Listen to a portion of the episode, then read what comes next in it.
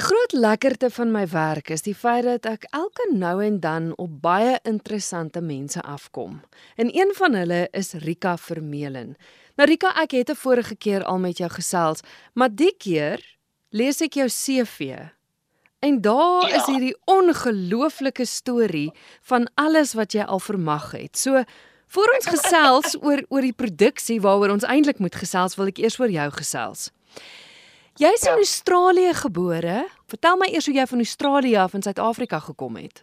My pa het vir die Rembrandt groep gewerk en ehm um, in die laat 50s het ehm um, Rupert 'n klomp van sy verteenwoordigers Australië toe gestuur en dit was net na my ouers getroud is en toe is hulle nou soontoe en toe is al drie ons kinders in Australië gebore oor daai periode van 6 jaar wat hulle in Australië gewoon het en hulle teruggekeer net na ek en my broer, ek het 'n tweelingbroer, net na ons geboorte.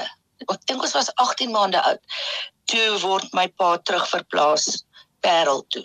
Maar en toe bly hulle in Zambië ook. Ja, dis nou maar ehm um, jy weet my pa se verplasings vir Rembrandt. En ons het in Zambië gebly 2 jaar in Lusaka. Ek was 4 jaar en 5 jaar oud. 16 uh, 1965 en 66 in Tustet Johannesburg. Toe. in Toestellenbos. Ja. Op 4-jarige ouderdom gepraat van 4-jarige ouderdom, het jy toe al besluit klavier is jou ding? Ek het nie geweet wat 'n klavier is nie. Ja. En soos die storie loop, het ons blykbaar by mense gekuier een Sondagmiddag en daar staan toe nou hierdie ding. En dit het, het my vreeslik gefassineer. En ek het blykbaar die hele tyd net voor die ding gestaan en klanke gemaak en ek wou nie dit los nie. En maar eers 'n hele paar jaar later het ehm um, ek dink ek was 8, ja, toe sê my ma vir my, "Wil jy daai doen? Daai wat daai tannie doen." ek het alles te sê, "Ja, dis wat ek wil doen." En dis hoe dit maar begin het. Ek het gelees in jou in jou CV dat jy absolute of absolute pitch het. Wat ja. wat beteken dit? Is dit dieselfde as perfect pitch? Ja, ja. Die Amerikaners noem dit absolute pitch. Dit is jy hoor 'n noot en jy kan sê watter wat is die noot? Watter noot is dit op die uh net maar op die klavier se klaverbord. Dan kan jy sê o, dis middel C of nee, daar's F en 'n 'n B en W se toeter is die G en die B bo kan middel C. Ehm um, volgens Oliver Sacks se boek uh Music Musicology Ja, musicophilia. Uh is dit iets soos 1 in 10000 mense wat perfect pitch het. Meeste van hulle is natuurlik musicians. Missie P. En jy word so gebore. Ja. Kyk baie mense as jy nou nie 'n musikant word nie, dan ehm um, is jy nie bewus van die feit dat jy 'n perfect pitch het nie. Jy weet jy moet eers musiek leer om dit dit kan identifiseer. Ja. Nou, synde jy perfect pitch het en jy besluit het jy wil doen wat die tannie doen wat klavier speel, is dit seker geen wonder dat jy toe musiek gaan studeer het nie. Dis reg ja. Nee, daar was net nooit iets anders nie. ek het daai aanlegtoetse ook gedoen wat mense doen in matriek. Waar hulle kyk, jy weet waar lê jou aanlegte? En ek meen die voorligter het my net so half gekyk en gesê, "Really? Hoekom het jy hierdie toets gedoen? Daar is net een ding vir jou." Jy het by TUT, Tshwane University of Technology, dit was nie toe so genoem nie, het jy ja. het jy studeer spesifiek om 'n konsertpianis te word. Dis reg? Ja. Ja, dit was kyk die ehm um, daai jare se tegnikon. Die die soos die drama kursus of die hele uitvoerende kunstdepartement is absoluut ingestel op die praktiese toepassing van wat jy studeer. So daar's eh, ek meen 80% van jou vakke was praktiese toepassing van uh musiek. So jy het eintlik ons het meer vakke gehad as iemand wat byvoorbeeld 'n B-mus graad doen. Byvoorbeeld jy doen 'n vak soos harmonie. Uh en dit is basies musiekteorie. Mm. Dit word geskryf. Maar ons moes dit speel ook. Ons moes dit kan voorspeel ook. Mm, mm. So jy weet dit was alles alles wat jy geleer het teoreties moes jy ook prakties toepas. Jy het nou nie 'n konsertpianis geword nie, maar jy mm. het soveel ander goed geword en ek het gekyk deur jou CV, daar's regtig 'n magte om goed waarby jy betrokke geraak het. En ons gaan so na een na die ander kyk. Dit is my verskriklik interessant hoe jy betrokke is by dans as pianis. Ja, dis een van my groot liefdes. En dit het begin uh, net na ek afgestudeer het, het um, ek 'n pos gekry by die uh, Technikon se dans departement wat toe net begin het. En hulle het klas klaspianiste gesoek en toe steek ek my hand op ek sê nee ek sien. En dis hoe ek betrokke raak by ballet en al die ander dansforme eh, wat hulle aanbied in daai kursus. En kort daarna het Don Weller wat die artistieke direkteur was van Truck Ballet mm -hmm. destyds. Uh vir my aangestel as klaspianis by die Truck Ballet wat toe nou Staatsteater Ballet geword het en Esther Nasser het my ook ingekry vir die kontemporêre dansgeselskap van die Staatsteater en die Staatsteater Dans Ballet School soos hulle dit genoem het. Wat is die uitdaging om te begelei vir dansers? Ja. Jong, en daar is nie 'n kursus wat mens kan gaan studeer nie. So jy hmm. word letterlik aan die diep kant ingegooi. Uh en dan leer jy maar. Jy weet in die uh die uh, klasleier, die onderwyser of die ballet master, mistress soos hulle hulle noem, sal dan sê uh speel daar vir my 'n wals of 'n stadige wals. Maar jy weet dit moet altyd baie spesifiek wees sodat dit die die uh, beweging wat uitgevoer word ondersteun en as jy dit te stadig doen dan kan hulle skade uh, hulle kan hulle uh, lywe skade aandoen. Hmm. So mens leer dan nou alles van ballet. Uh, wat elke beweging is, die verloop van die klas, die doel van daai uh, spesifieke oefening by die bar en dan kom hulle mos nou in die middel en dan ehm um, en dan begin mens so leer. Jy weet, hmm. okay, my oog is nou so, jy weet ek kan net so kyk en dan weet ek okay dit dit gaan nie by pas. Meeste van die tyd is dit maar improvisasie. Maar daar's nog iets uh, wat dans aanbetref waarby jy betrokke is en dis dans vir Parkinsons. Wat's ja. dit? Wat's dit? dit is 'n program wat deur David Leventhal van die Mark Morris Ballet Geselskap in New York. Hy het hierdie program ontwerp. Dis 'n is eintlik 'n terapie program mm -hmm. vir mense wat met Parkinsons leef. Wat Oliver Sacks destyds ook agtergekom het want hy het die effek van musiek op die brein bestudeer. Hy was 'n neuroloog en spesifiek ook mense met dementia, Alzheimer, Parkinsons, al daai goeters. En hulle het agtergekom dat musiek hoe kan ek dit nou stel? Dit kanselleer amper die Parkinsons simptome. Ja. Dit maak 'n nuwe pathway soos hulle sê. En eh, so het hy toe nou die program ontwerp en ehm um, dit wêreldwyd versprei. En hier in Somerset West is 'n ou vriendin van my wat 'n dansonderwyseres was wat van hierdie program gehoor het en besluit het sy wil dit doen en sy het daar sy het New York toe gegaan en haarself gaan kwalifiseer as 'n dans vir Parkinsons onderwyser en teruggekom en dit begin in sy die eerste een in Afrika hier in Somerset West. Naderhand ehm um, onderwysers opgelei. Uh, daar is nou mense in Johannesburg, Pretoria, Zimbabwe iewers, Kaapstad. So daar's 'n hele paar kolletjies hier aan die suide van Afrika, maar dit is wêreldwyd. So dis mense met Parkinsons wat gaan dans. Hmm. Ja, ehm uh, dit is gebaseer, die program is gebaseer op uh ballet en yoga. En hulle hulle sit aanvanklik ja. in hulle stoele en ons werk al die al die al die uh, aspekte ook baie ehm um, wat we noem ons noem dit brain gym waar hulle sê net maar tongue twisters. Wat is tongue twisters in Afrikaans? Tongknopers. Korrek moet sê jy weet wat selfs ek en Julie kry dit nie altyd reg nie. En ehm um, klein spierbewegingkies en oog en mond. Die spiere van die mond is een van ongelukkig een van die eerste plekke wat Parkinsons aanval. Hulle hulle praat moeilik. Mm, mm. So oefen dit.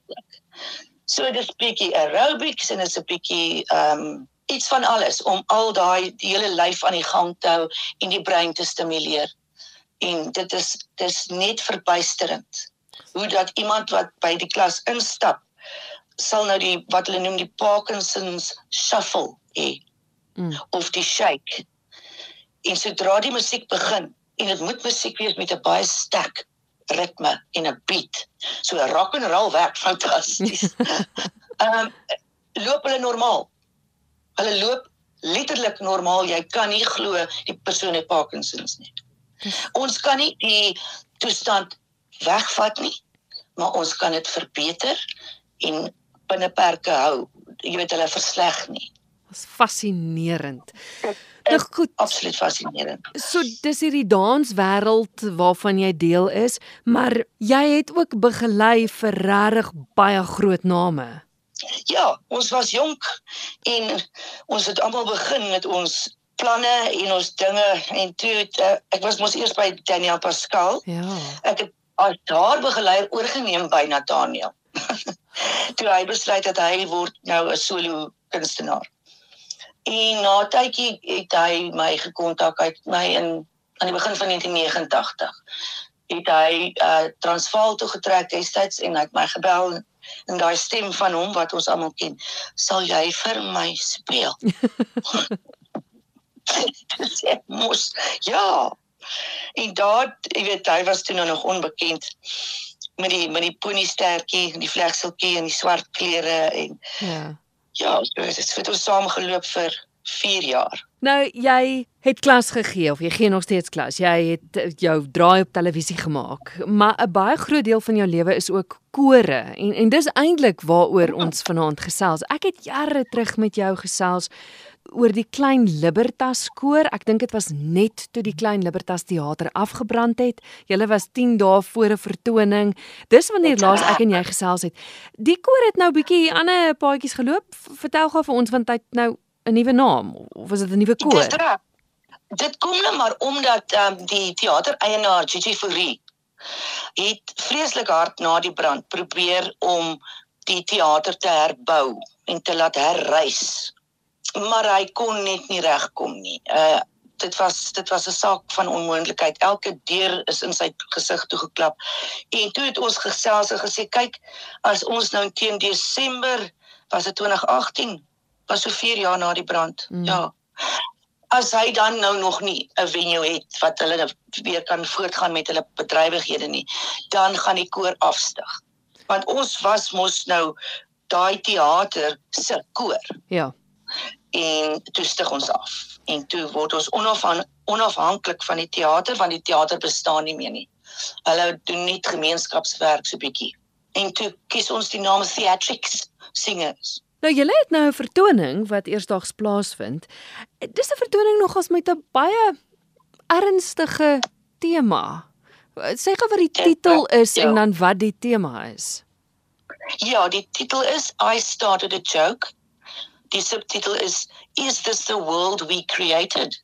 Dit gaan oor hoe die mensdom die aarde verniel, verwoes, mekaar verwoes, dis oorloë en pandemies en klimaatsverandering en ysblokke wat smelt en die hele ding. Kyk ons daarna en ehm um, ek het dit in konteks met uh, die liedjies wat ek verwerk het vir die koor is bekende liedjies wat net in daai konteks Mm. heeltemal goed werk. Die lirieke, alles vertel die storie van hierdie baie Mad Max tipe gevoel. Jy weet die die post-apokaliptiese wêreld uh waaraan hulle en dis bekende songs. Nou die eerste song is I started a joke which started the whole world crying. But I didn't see that the joke was on me. En dit is tog wat wat hierdie kwessie is Ja, ja. dit ons dit is tot ons eie nadeel. En toe noem ek die show I started a joke. En daai liedjie van Queen is ook in die in die show van Is this the world we created? Wat jy weet, wat doen ons? Kyk wat doen ons. Mm. So dit is nogal swaar, maar ons eindig darm met 'n met hoesie Nathaniel altyd gesê, 'n gelukkige liedjie. maar so gepraat van Nathaniel, daar is ook een van sy liedjies in. Vertel gou vir my want hy het hom spesiaal vir julle gegee en dit pas so ongelooflik Ja. mooi in by die tema. Ja, daar's eintlik twee. O, Dit die een is Take Me from the Moon en ek kan souwaar nie meer onthou uit watter produksie dit kom nie. En die ander liedjie is All Our Sins. Die dis is soos 'n gebed wat uh vir vergifnis vra. Beeldskone beeldskone musiek as usual. So ehm um, ek het net gedink hierdie twee liedjies gaan so goed werk vir hierdie produksie. En toe ek hom net gebel en gesê hoor hierso. Ons kan ons daai songs doen. Dis nog nooit weer nadat ehm um, ek en hy dit gedoen het in daai produksies en op CD opgeneem het. Ehm um, nog nooit weer in die publiek uitgevoer nie. So hier is nou groot excitement. Hy is net so opgewonde. Dis nou die eerste keer wat iemand dit weer gaan doen. Sedert 19 ek dink 92. Ja. ja. Noem gou 'n paar van die ander want dit is regtig bekende mense se musiek. Ja.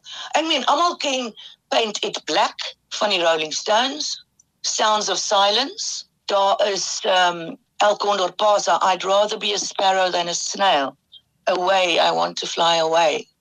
Nights in White Satin word die die wit seile. Sailing van Rod Stewart.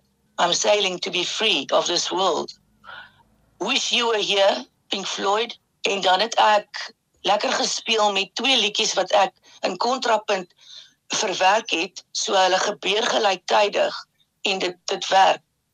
Just dance me to the end of love in those were the days my friend we thought they'd never end en dit gebeur gelyktydig in een sang.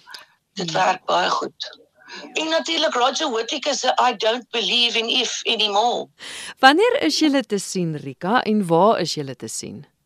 Goed, ons um, is by die Daisy Jones Bar at OMG op Summerhill Farm op die R44 net buite Stellenbosch. Dit is die ou Dorpsstraat teater. Ah. Ja.